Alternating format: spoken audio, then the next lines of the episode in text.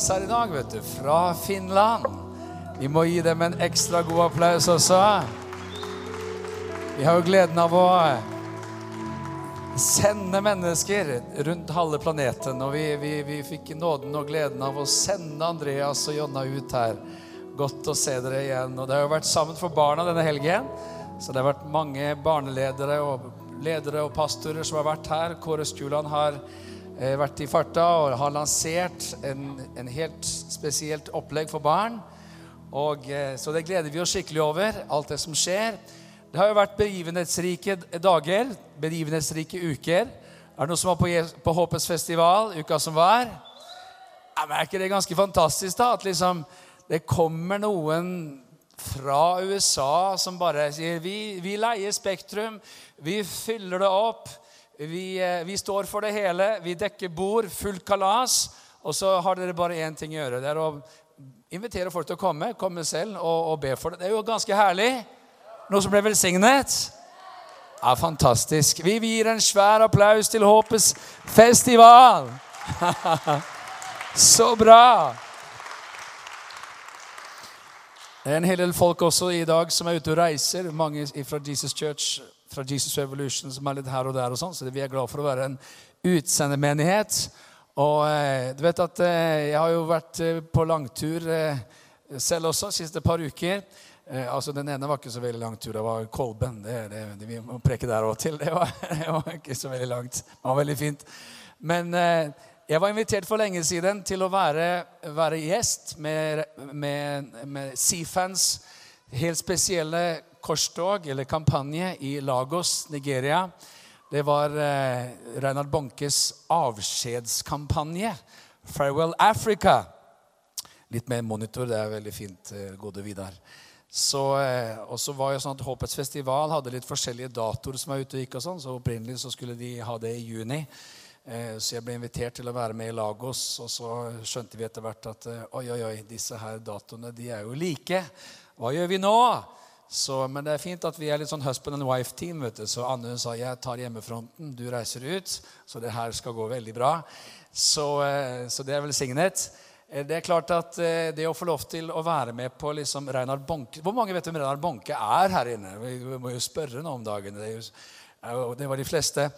Jeg husker første gangen jeg hørte han, jeg vet ikke hvor mange år siden det er, det kanskje nærmer seg 30 år siden, en sånn fantastisk, ivrig, åndsfylt, pasjonsfylt, rå, frimodig tysker med en hes stemme som roper 'Africa shall be saved'. Det er noen som har hørt, har hørt han preke noen gang?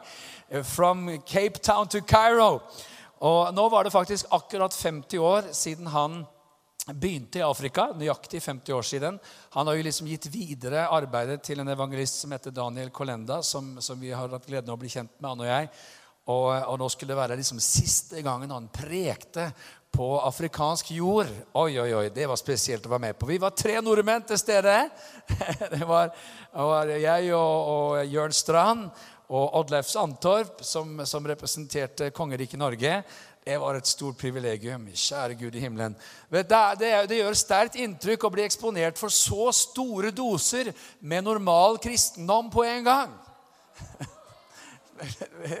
Liksom, det er jo interessant hva som definerer hva som er normalt. har jeg av og til tenkt på. Har du tenkt på det noen gang? Er det norsk kristendom? Er det brasiliansk kristendom? Amerikansk kristendom? Sørkoreansk kristendom? Er det, liksom, hva, er det engelsk kristendom? Er det svensk? Altså, Hvem har normalen, folkens? Ja, det var Jesus som har den. Og da, da er normalen veldig heftig. altså, Jeg må si det. Jeg mener, Jesus, Det var ikke kjedelig å være rundt han. Hva? Jeg mener, Det var tegn og under og helbredelser, og det var onde, onde ånder som vek ut, og det var mirakler, og det var liksom Det var jo liksom ingen ende på eventyr der hvor Jesus gikk fram. Og jeg, jeg liksom syns at noe av det jeg har fått vært med på den siste uka, det ligner kraftig, altså. Vet, Når du står i folkemengden og så ser du liksom bare Oi, kjære vene, hva er det du ser der nå? Så ser du liksom at det er en, en, en, rullestol som er på tur. Den er tom. Den, den, liksom, den bare går fra hånd til hånd til hånd rundt omkring i folkehavet og liksom bare beveger seg framover. Og, og, tydeligvis han som da satt i den, han sitter ikke der lenger. Han er på vei på, til fots oppover for å gi vitnesbyrd om hva Gud har gjort. Da kjenner man det er ganske herlig å være på kristelig møte. Krykkene går i været, vet du, den ene etter den andre. og Det er jo kjempegøy. Så på avslutningsmøtet så var det hør på det her, 750 000 til stede. Det er så mange mennesker at det er veldig vanskelig å skjønne det. altså. Det er liksom 750 000 som lovsynger Gud og jubler. og Oi, oi, oi, oi. For et trøkk, altså. Halleluja. Hvilken velsignelse. Mange hadde jo gått i dager for å være med der for å få det med seg og for å være med på det som skjedde. Og, og, det var spesielt å være til stede også, for det var jo liksom vekkelseshungrige mennesker fra halve planeten som var til stede. Vi var 400 ledere som fikk lov til å være sammen der. Og, så vi gleder oss over det. Og vi er tent på én ting virkelig etter at vi kom hjem. Og hva er det for noe? Jo, det er å se det samme i Europa. Jeg vil si, Gud, du er jo den samme i går, i dag, til evig tid. Amen. Ikke sant? Han er den samme. Guds ord er det samme. Guds ånd er den samme. Guds løfter er de samme. Jesu navn er det samme. Halleluja. Så vi fortsetter. Vi takker Gud for sånne som Franklin Graham, som kommer hit og som forkynner evangeliet. Og Er ikke det fint at man liksom kjenner at det gir en sånn ekstra push også, til å invitere og ta med seg folk og liksom bare sørge for at jeg må bare gjøre hva jeg kan for at mennesker skal få høre dette gode budskapet? Skal vi ikke bare fortsette i samme ånd? Fortsette i samme spor, fortsette i samme tro. At vi inviterer med og drar med oss mennesker så de skal få lov til å få møte Jesus. Så jeg kjente at jeg skulle, jeg skulle forberede meg da jeg skulle tale Guds ord, så, så, fikk det bli noe veldig enkelt og veldig sentralt liksom, sånn i etterdønningene av Håpets festival og alt det vi har vært fokusert på der. Og liksom bare tenke på, dvele ved, zoome inn på kjernen i vår tro. Hva er vår tro? Hva er vårt budskap? Hva er det vi er gitt å formidle videre til den verden som vi er en del av? Derfor så er overskriften på forkynnelsen den er Kristus korsfestet. Du kan få slå opp med meg i første Korinterbrev og kapittel 1 skal vi lese sammen. Vet du, Det vår tro dreier seg om, det er ikke først og fremst læresetninger, selv om lære er veldig viktig. Kjempeviktig. Men eh, det er i hvert fall ikke ritualer eller lover eller regler. Det fins jo så mange misforståtte tanker omkring i landet vårt også om hva dette med kristen tro er for noe. Men vi vet at vår tro sentreres rundt en person. Personen Jesus Kristus. Det er han det dreier seg om. Vet dere, vet, vi, vi, var ikke så vant til når vi kom inn i kirka her. Vi har vært i sånne ballrooms, og vi har vært i teatret, og vi har vært i alle mulige plasser eh, og hatt gudstjeneste. Så vi var liksom ikke så vant til sånne flotte malerier og sånt. Det var litt, sånn, litt sånn ny greie for oss når vi kom inn i kirka her. Men jeg synes, hvor lenger vi har vært der, jo mer har jeg begynt å sette pris på disse her herlige Kan du tenke deg Gud være takk som giver oss seier ved vår Herre Jesus Kristus. Og vet du, du, får liksom, du får gjerne gå opp her etterpå og liksom studere det i detalj, for du ser liksom ikke alt der du sitter, kanskje. Men kom opp her og liksom se at det er oppstanden i Jesus Kristus, og så er det en slange vet du, som er knust der. og sånt. Det er herlig. Halleluja. Jeg liker det. Det er fint. Det er Jesus i sentrum. Amen. Halleluja. Ok, Hva står det i 1. Korinterbrev kapittel 1 og vers 21 i Jesu navn? Jo, det står For da verden ved sin visdom ikke kjente Gud i Guds visdom, fant Gud for godt å frelse dem som tror. Hør på det her. Ved forkynnelsens dårskap. Det er jo litt sånn gammelmodig ord. Det er jo ikke så lenge ofte vi sier det om dagen. Men, men dårskap Jeg vet ikke om det var det nærmeste vi kommer av idioti. eller noe sånt. Det er et ganske heftig ord, faktisk. Forkynnelsens dårskap. For jøder krever tegn, og grekere søker, søker visdom. Men vi forkynner Kristus korsfestet, for jøder et anstøt og for hedninger en dårskap. Men for dem som er kalt både jøder og grekere, forkynner vi Kristus, Guds kraft og Guds visdom. Vi tar et vers til, og det er Galaterbrevet kapittel 3 og vers 1. Der sier Paulus, 'Uforstandige galatere'. Det, det, får bli en egen preken. Hvem har forhekset dere? Han var frimodig predikanten når han ikke syntes de holdt på sånn som de skulle. Ja, Det er vel kanskje også en annen preken. Men så kommer nå et viktig setning. Dere som har fått Jesus Kristus malt for øynene som korsfestet. Du vet, Det er mange ting vi kan tenke på. Det er mange ting vi kan være opptatt av, det er mange ting vi kan dvele ved. Men det er én ting som du og jeg hele tiden trenger å komme tilbake til, eller fram til.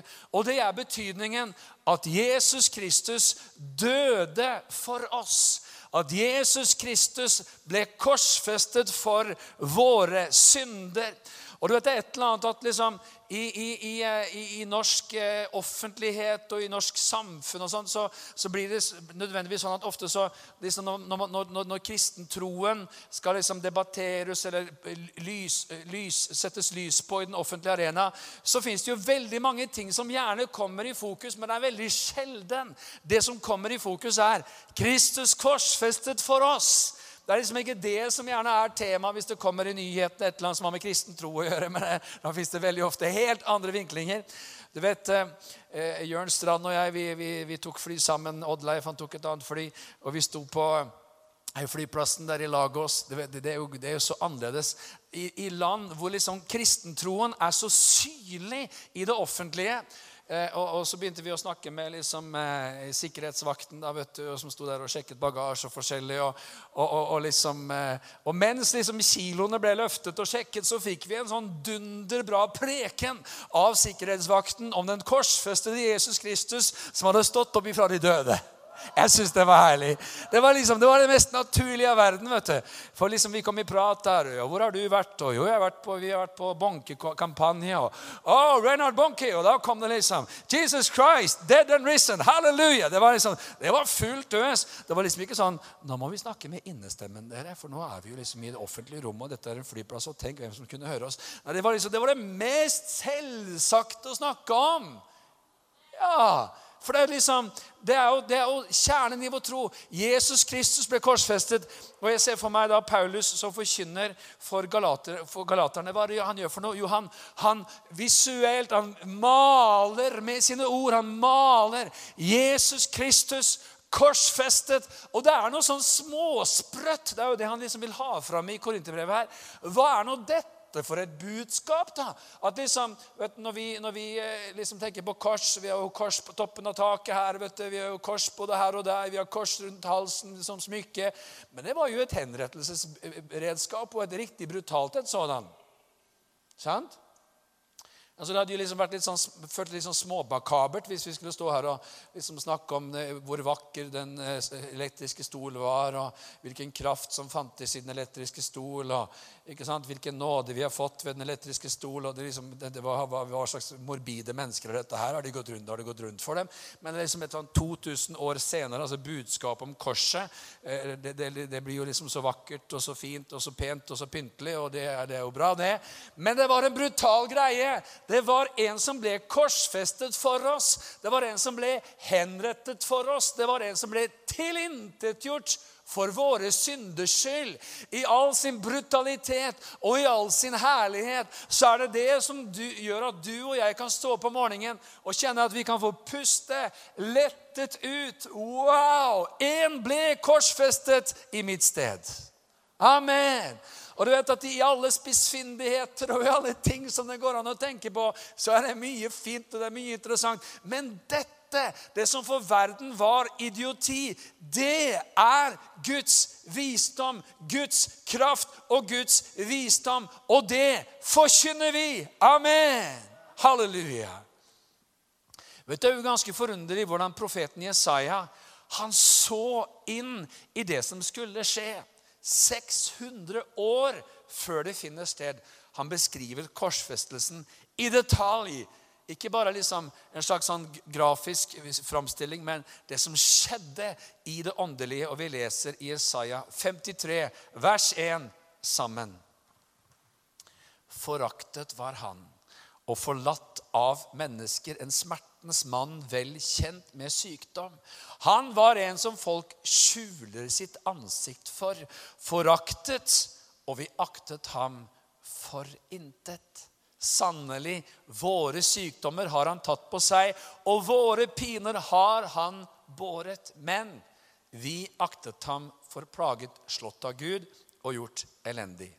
Men han ble såret for våre overtredelser, knust for våre misgjerninger. Straffen lå på ham for at vi skulle ha fred, og ved hans sår har vi fått legedom. Vi for alle vill.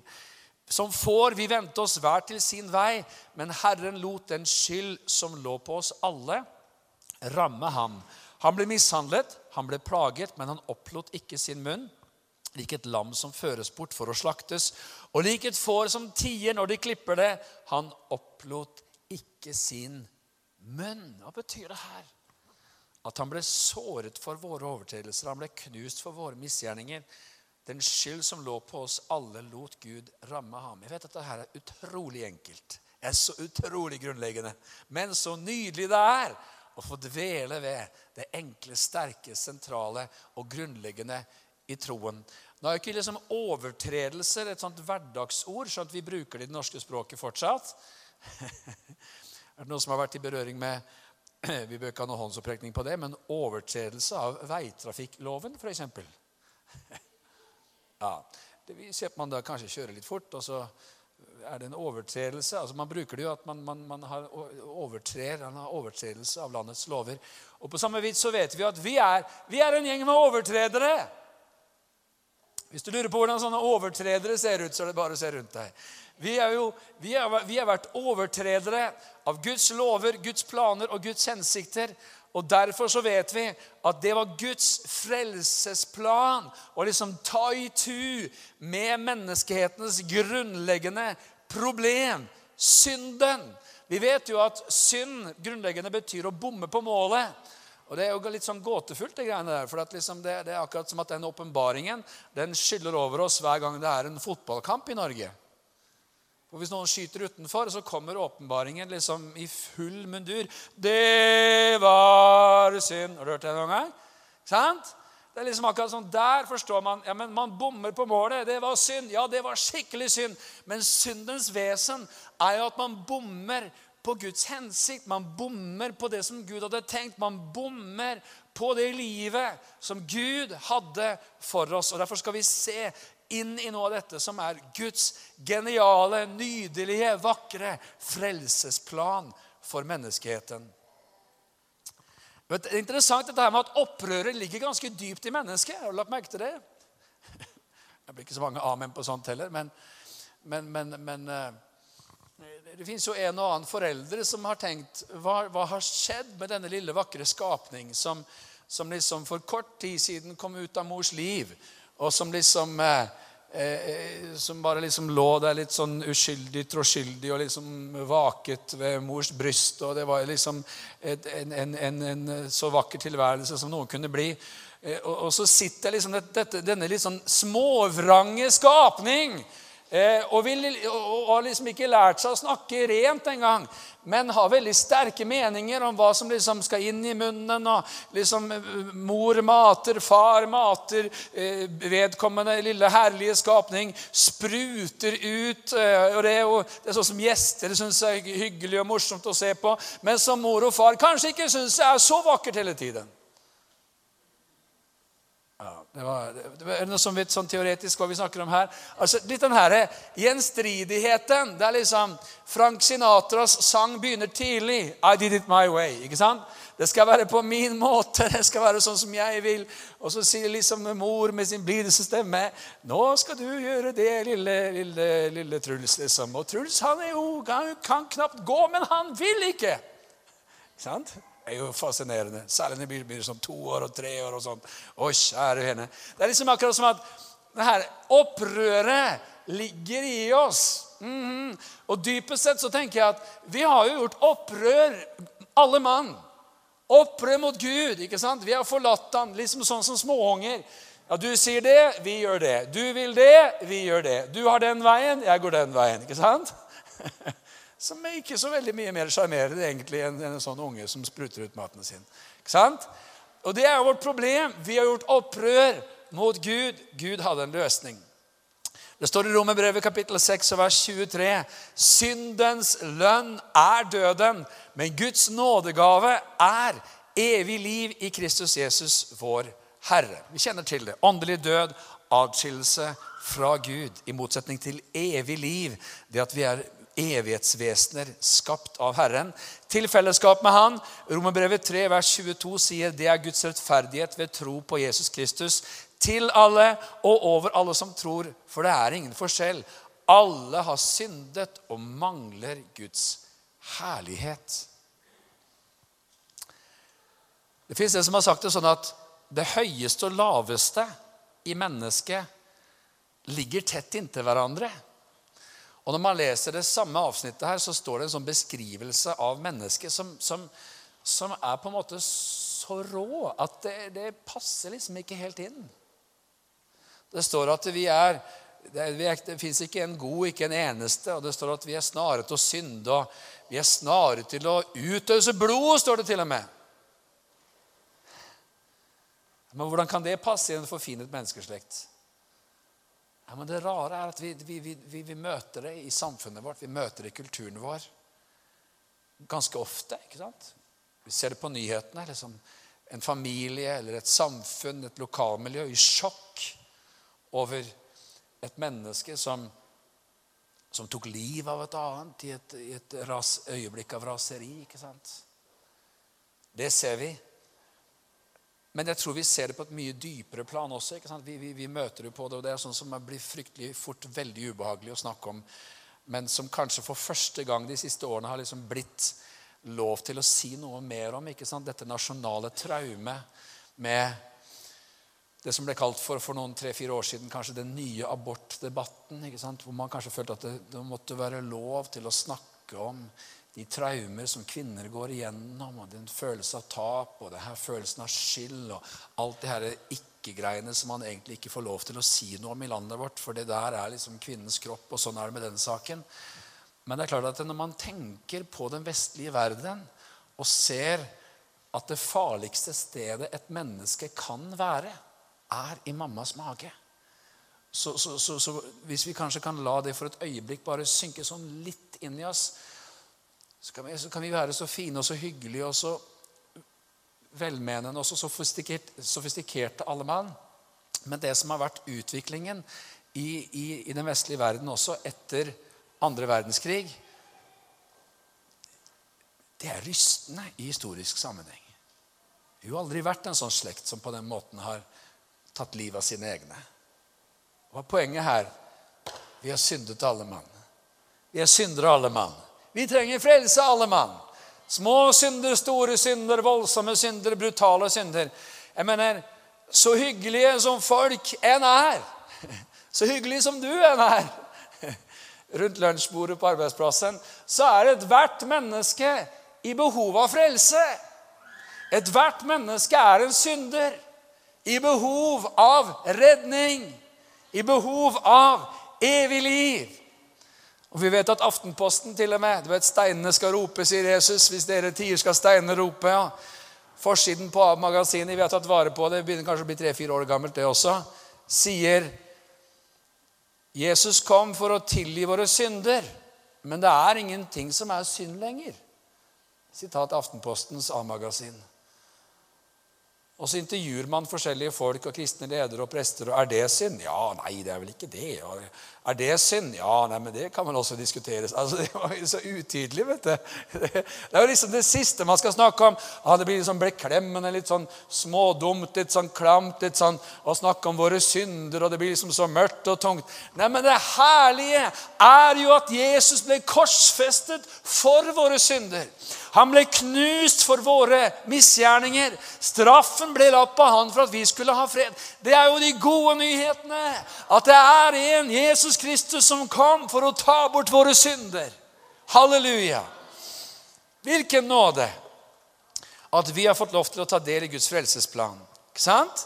Mennesket er skapt i Guds bilde, skapt til fellesskap med den levende Gud. Og Vi skal lese et litt lengre avsnitt her som er så nydelig i Romerbrevet kapittel 5. Jeg hadde så interessant prat her i, i jeg, en av de forrige Israelsturene vi hadde med TBBMI.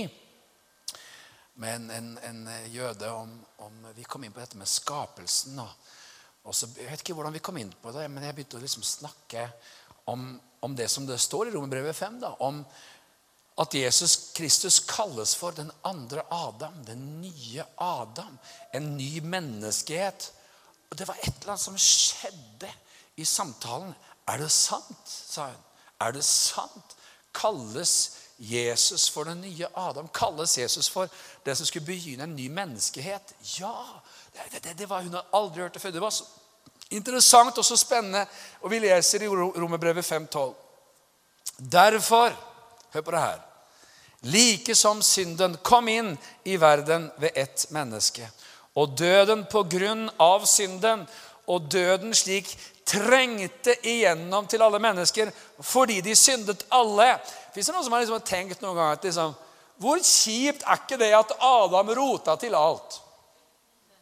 Så jeg tenkte det der, Du har liksom lest det og tenkt ah, men det er for dumt. liksom. Ok, Gud skaper himmel og jord. Han skaper de to første menneskene. Adam og Eva. Eh, og, og, sånn forresten, det, Jeg husker jeg, jeg, brukte det eksempelet mange ganger. Vi hadde kampanjer med Jesus Revolution. for det er jo litt sånn, eh, altså Adam og Eva. ikke sant? Så, så siterte jeg fra en, en, en sånn artikkel som jeg leste, Illustrert vitenskap. Hvor mange kjenner til illustrert vitenskap? Eh, sånn populærvitenskapelig magasin med, med osv. Og så sto det at man hadde brukt hundrevis av millioner dollar på, på avansert DNA-forskning. Man hadde kommet fram til følgende, følgende, konklusjon. Det må ha begynt med to mennesker. Det må ha begynt med én mann og én kvinne. Og Da ble jeg liksom frista og tenkte jeg får lyst til å skrive til redaktøren og spørre om han hadde lyst til å vite hva de het. det kunne jo vært jo, for det ene kunne spart mye penger, men for det andre kunne det vært en heftig artikkel. Vi har fått et leserinnlegg her. Han lurer på hva disse to første het. Halleluja. Så du har tatt eh, Bibelen. Bibelen er fantastisk. Men man kan lese om liksom Adam og tenke Nei, det er jo for dumt. liksom Gud skaper verden og skaper Adam. Eva kommer på banen. Eh, liksom Du kjenner historien. Slangen, fristelsen, eh, frukten. Og så eh, blir det liksom, går det skeis alt sammen, og, og, og, og, liksom Gud sier 'Adam, hva har du gjort?' Og Eva, Adam sier 'Eva', og Eva sier 'slangen'. ikke sant? Så liksom eh, holder det på. Og så er det ut av Edens hage. og liksom, ja, men Det hadde vært så bra hvis det liksom ikke hadde gått skeis. Ikke sant? Enig. Men du skjønner, Gud han hadde en tanke, han hadde en plan. En gjenopprett opprettelse av menneskeheten. For det står i vers 13.: For vel var det synd i verden før loven kom, men der det ikke er noen lov, blir synden ikke tilregnet. Likevel hersket døden fra Adam til Moses også over dem som ikke hadde syndet ved et lovbrudd, slik som Adam, han som er et forbilde på den som skulle komme. Men med nådegaven er det ikke som med fallet, for er de mange døde av den enes fall, så er mye mer Guds nåde og nådens gave i det mennesket Jesus Kristus blitt overmåte rik for de mange. Og med gaven er det ikke som da den ene syndet, for dommen kom etter den enes synd og ble til fordømmelse, men nådegaven kom etter mange over, manges overtredelse og ble til frifinnelse. For om døden kom til å herske ved den ene altså Adam, den første. Fordi denne, denne, ene falt. Hvor mye mer skal da de som mottar nådens og rettferdighetsgavens overstrømmende rikdom, leve og herske ved den ene Jesus Kristus?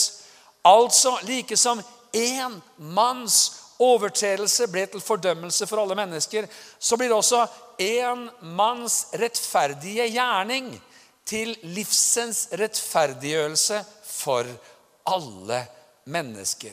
Vers 21. Like som synden hersket ved døden, så skal også nåden herske ved rettferdighet til evig liv ved Jesus Kristus, vår Herre. Kan du tenke deg?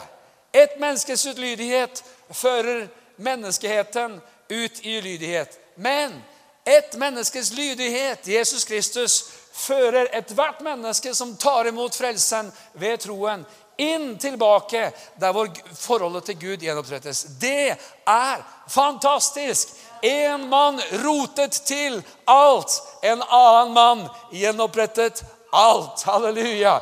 En mann, Adam, kalles det første mennesket. Og i Lukas 4, når du ser ettertavlen Sønn av, sønn av, sønn av Adam. Guds sønn. Adam kalles for Guds sønn. Han var jo det første mennesket skapt i Guds bilde. Og så kommer Jesus Kristus som den andre bildet. Halleluja. Det andre, andre Adam. Den første av mange, den nye Adam. Og de gode nyhetene, vet du, det er jo fantastisk.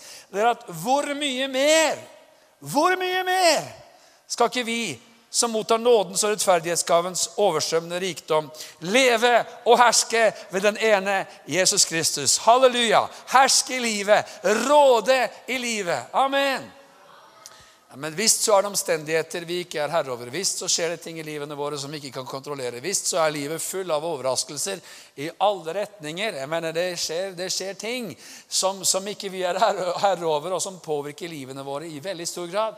Mens de gode nyhetene er at når det gjelder synden, så er det ikke sånn at vi er på en måte offer for synden. Vi, vi må leve i nederlag. Vi må leve liksom av syndens konsekvenser. Gud taler tydelig om at Jesus Kristus han kom for å gjenopprette vår opprinnelige hva skal man si, urbilde. ikke sant? Vi er skapt i Guds bilde. Skapt til å være hans barn. Og når vi blir frelst, så begynner vi på den reisen som er. At det nye livet fødes i oss. Og det er som at dette himmelske urbildet kan gjenopprettes. Ja, Det hørtes spesielt ut, sier du. Ja, men det er det som sies, nemlig. Halleluja. I Romerbrevet og det åttende kapittel. For dem som han forutkjente, står det i vers 29, dem har han også forbestemt til å bli likedannet med hans sønns bilde for at han skulle være den førstefødte blant mange brødre. Halleluja. Det er ganske herlig. Det er svære ord, jeg vet. Men det er et fantastisk budskap som de færreste er klar over. Som de færreste i Norge De ser på en måte det ytre skallet ikke sant, av den kristne troen. De ser ja, noen kristne høytider og liksom Eh, det blir liksom litt sånn bråk hver gang et parti vil at det skal være søndagsåpent, for da kommer de kristne og sier fy og fy og fy. Og jeg er veldig glad for det ikke er søndagsåpent. Så det er helt greit å si fy og fy. Ikke, hvorfor skal alle dager være like? Men, men liksom man ser de ytre tingene, man ser kirkene, man ser gudstjenestene, man ser liksom disse greiene. Men vi vet jo at kjernen i vår tro, halleluja, det er at vi er blitt gjenopprettet til utgangspunktet. Wow, wow, wow, wow, wow! Det er herlig! Det er nydelig! Yes! Derfor kan du stå opp og kjenne deg groggy på morgenen. Og tenke 'Å, jeg trenger en svær kaffe'. Men du kan også samtidig få lov til å kjenne det nye livet er i meg. Det nye livet pulserer i meg. Og Skriften det, det, det, den sier jo så kraftige ting at det er så knapt vi tør å tro det. At den samme ånd som reiste Kristus opp ifra de døde, bor i deg. Hvor mye mer skal ikke han da levendegjøre deres dødelige kropper, sier Romerbrevet 8,11. Det er nesten så det går rundt for oss. Så resten av livet er jo en sånn, sånn, kontinuerlig oppdagelse av det å se inn i hva det er Jesus har gjort for oss. Det er ikke lite. Det er en uendelig skattejakt der hvor det finnes nye skatter på hvert hjørne. Og Derfor Paulus han ber for de troende og sier, 'Jeg ber for det', sier han. 'Jeg ber om at deres hjertes øyes lys, eh, hjertes øyne skal få lys, så dere forstår å, hvilket håp dere er kalt til, hvor rik for kraften er for de hellige, osv. Er voldsomme greier. Halleluja. Er voldsomme greier. Halleluja. Det er kristen tro. Levende tro. Halleluja. Amen. Halleluja. Jeg tror jeg gir meg her, jeg. Jeg har jo Du skulle bare vite hvor mange flotte sider med notater jeg har. Jeg er ikke halvveis engang. Men jeg tror det her var greit. Halleluja. Amen. Vi reiser oss opp sammen. Takk, Jesus.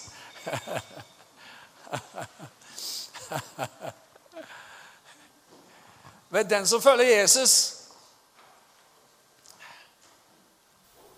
Han får oppleve livets realiteter. Hva mener du med det? Vi hadde en, en, en god venn som, var, som ble begravet her i uka som var. Roar Skumlien. Og vi eh, fikk besøke han bare fire dager før han døde. Han var på hospitset på Lovisenberg. Han hadde kreft. Var ikke gammel, 65 år gammel. Men et sånt vitnesbyrd om Jesus. Han gikk på kjøret som ung mann. Havna i feil miljø, gikk på stoff. Jeg var blant liksom på en måte pionerene innenfor stoffmiljøet i Oslo i Norge på 70-tallet. Stoffet fikk enorme konsekvenser for, for livet hans. Han ble, han ble schizofren. Personlighetsspaltet. LSD, syre, alt hva du kan tenke deg. Så kom Jesus. Reddet troer. Så ble han frelst. Han ble gjenopprettet. Til ånd, til sjel, til kropp. Han begynte å reise rundt med, med Leif Holstad og Arne Bakken rundt omkring på skoler i Norge. Kanskje han prekte Vi vet ikke hvor mange, men jeg har hørt noen tall. Kanskje, kanskje han talte ansikt til ansikt til så mye som 150 000-200 000 ungdommer i Norge. Hvor de kom inn på skolene for å fortelle om stoff. ja, 'Hvorfor er ikke du på stoff lenger?' Ja, 'Nå skal dere høre.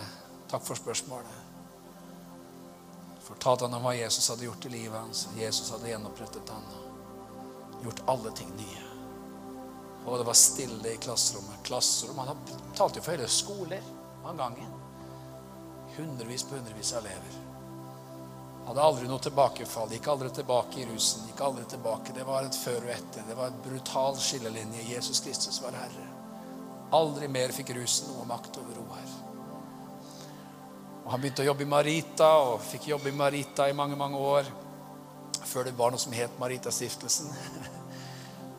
og jobbet der til, til det siste, til for noen få måneder siden. Men når vi da treffer ham på sykehuset Han er fortsatt sterk nok til å prate med oss. Vi, vi, vi, snakker om alle historier og alle episoder og alle, alle ting vi kunne komme på. Han var en av Annes beste venner når han var nyfrelst, nytroen. og trengte en moden kristen å henge med. og har hatt så mye gøy sammen med Roar.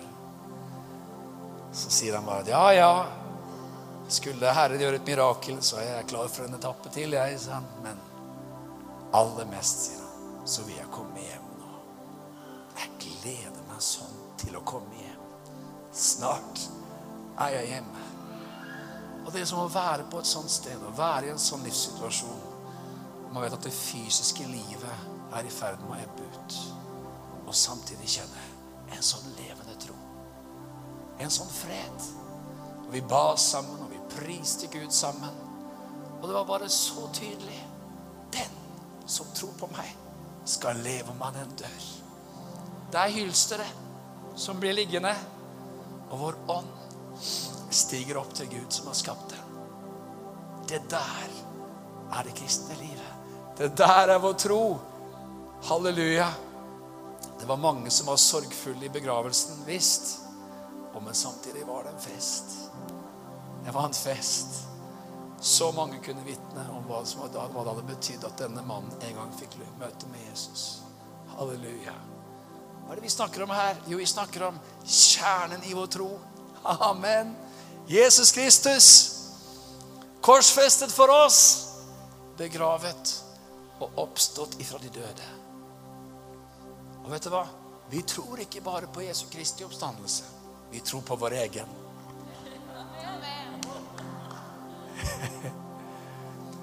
Ja, men jeg har en kristen tro, jeg har en tro på Jesus. Den troen du har, er mye mer spesiell enn de fleste av dine naboer er klar over. Kan du si det rundt lunsjen i morgen? Jeg ser fram til oppstandelsen fra de døde. Se om det blir liksom noe du snakker om. Ja, men det er jo herlig at Jesus står opp ifra de døde. Det skal jeg også en gang. Billy Graham, pappaen, som, pappaen til Franklin Graham, som var og talte her i helgen Han er 99 år gammel. Og han skrev i en bok for mange år siden One day you will hear that Billy Graham is dead. You don't believe that. Don't you believe that for a minute. I've just changed address. Amen. Bare flytta til ny adresse. Amen. Derfor så er det så annerledes å følge Jesus. Det er så annerledes. Skal vi ta oss og bøye våre hoder og så stå sammen?